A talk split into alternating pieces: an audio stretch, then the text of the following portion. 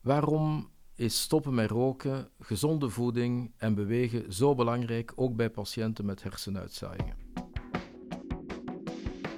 Welkom bij de podcastserie van Daisy Medical Partners, waarin Maarten Lefevre in gesprek gaat met artsen, patiënten en patiëntverenigingen om met elkaar te streven naar een optimale kwaliteit van leven voor patiënten.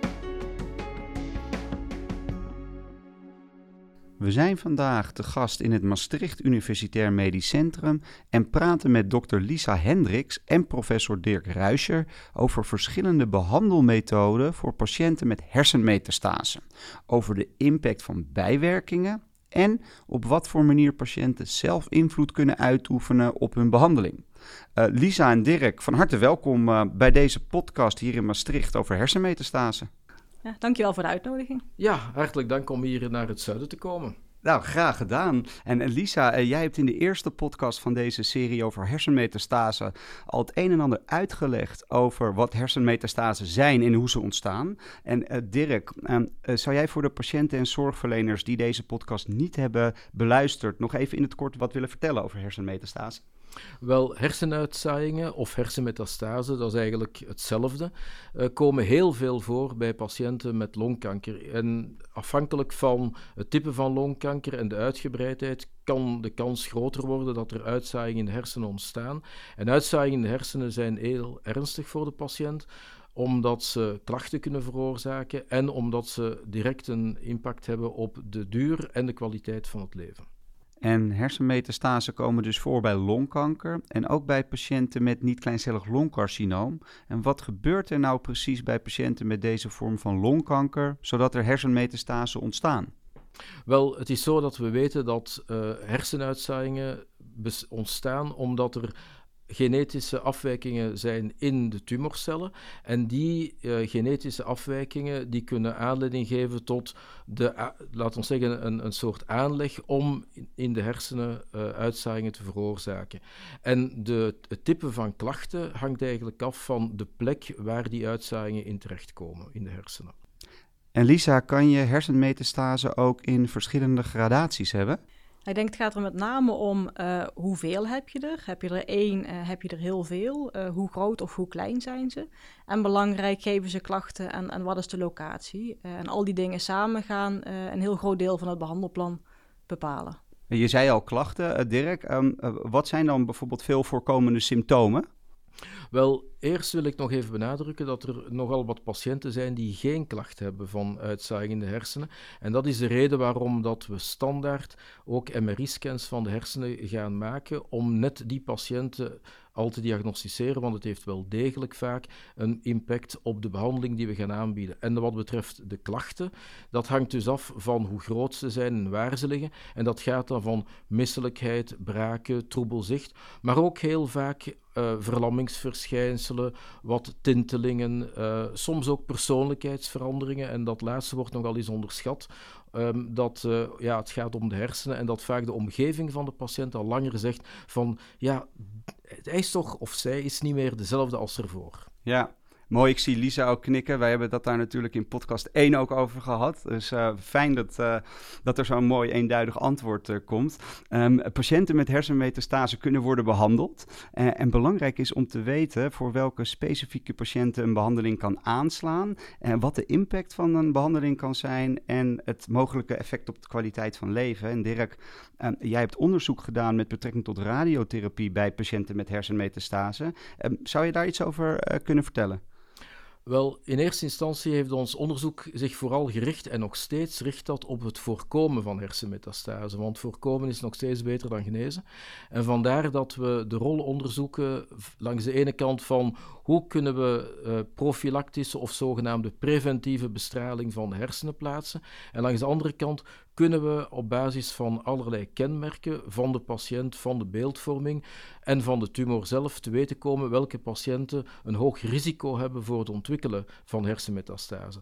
En wat we daarin gevonden hebben is essentieel, eh, in essentie, sorry, dat in een lage dosis bestraling die preventief op de hersenen gegeven wordt, wel degelijk de kans op hersenmetastase drastisch kan verminderen, naar ongeveer een derde van de oorspronkelijke kans.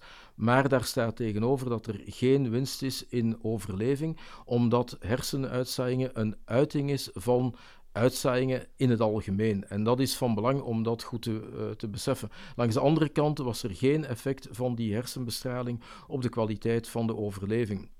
En de nieuwe studies die op dit moment uh, lopende zijn in meerdere centra in Nederland, uh, die gaat eigenlijk na wat de rol is van de lage dosis bestraling van de hersenen, dus de preventieve bestraling, samen met de huidige immuuntherapie, met als doel om het probleem van hersenmetastase min of meer uit de wereld te helpen. En langs de andere kant dat ook te doen zonder belangrijke bijwerkingen.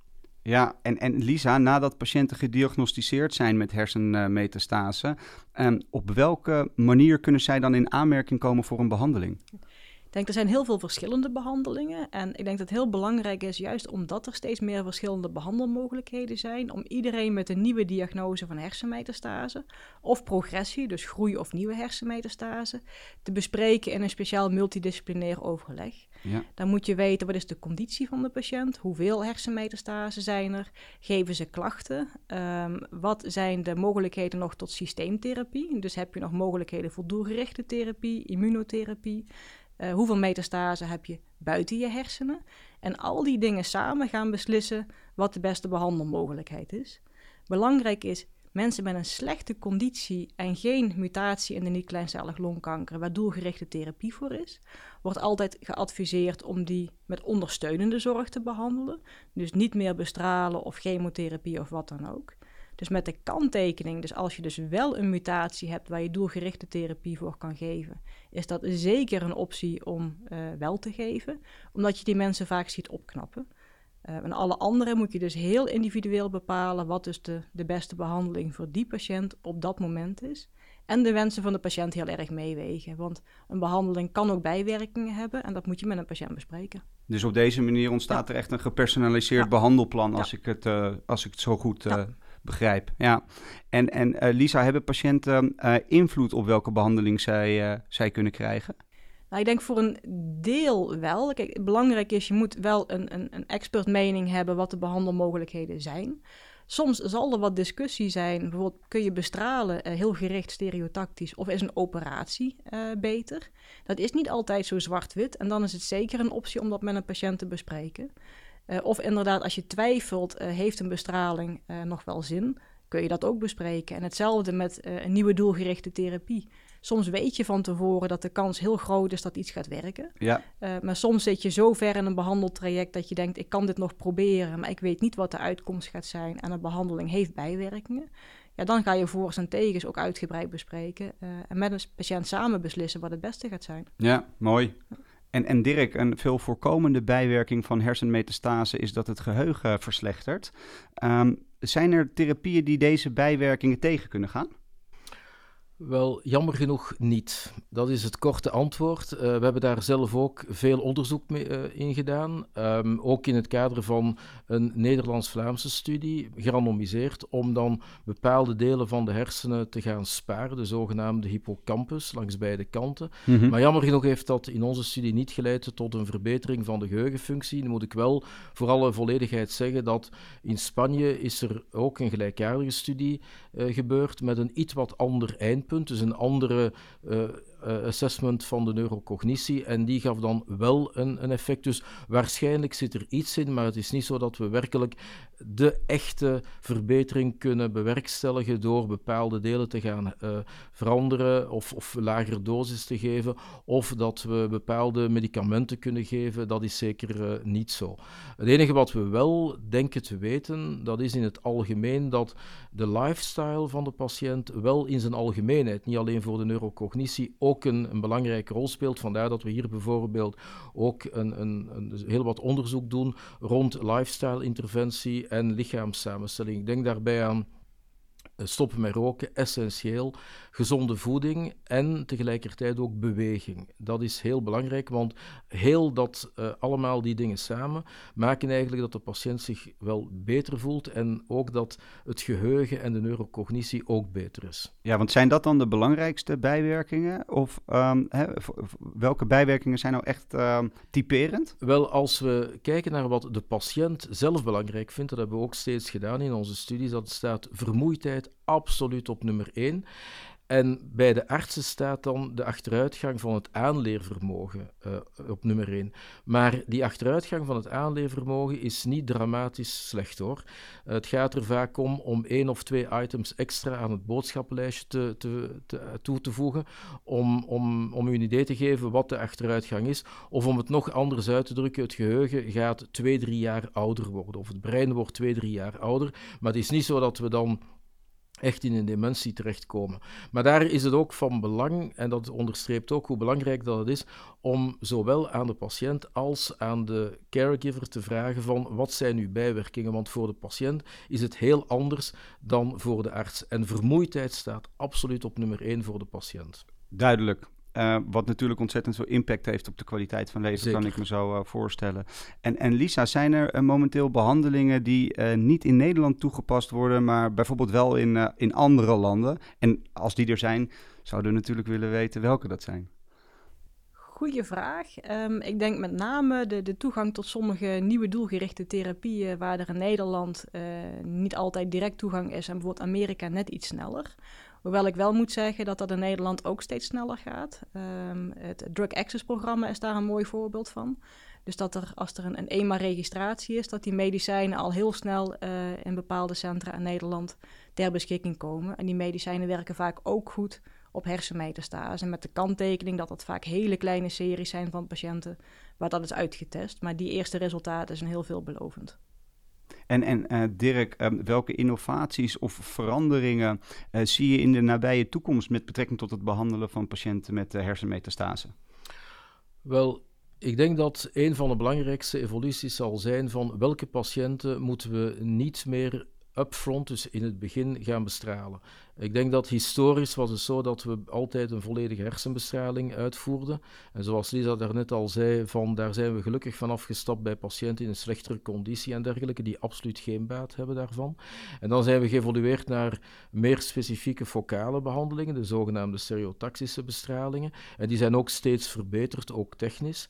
En nu denk ik dat het uh, heel belangrijk is om één te weten te komen van welke patiënten kunnen eigenlijk verder zonder die hersenbestraling of die stereotaxie te geven?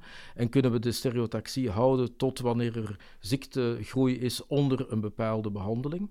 Dat is heel belangrijk en dan zeker bij sommige nieuwe doelgerichte therapieën en zeker bij immuuntherapie, dat, uh, dat moeten we zeker verder nog onderzoeken.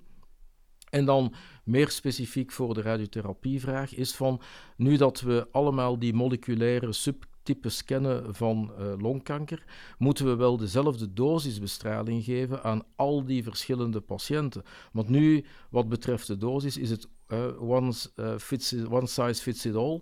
maar we, dat is een belangrijke vraag voor de toekomst. Kunnen we bij sommige patiënten de dosis niet verminderen in functie van welk moleculair subtype, want een lagere dosis zal ook minder bijwerkingen met zich meebrengen. Ja, dus eigenlijk het uh, nog uh, verder personaliseren van, uh, van de behandeling. Hè? Zeker. Ja, en Lisa, om ook aan jou de, de vraag even voor te leggen met betrekking tot de innovaties en de veranderingen. hoe zie jij dat ja, in de toekomst? Ja, ik denk een van de grootste discussiepunten is inderdaad waar begin je mee? Begin je met bestralen en dan de systeemtherapie of andersom?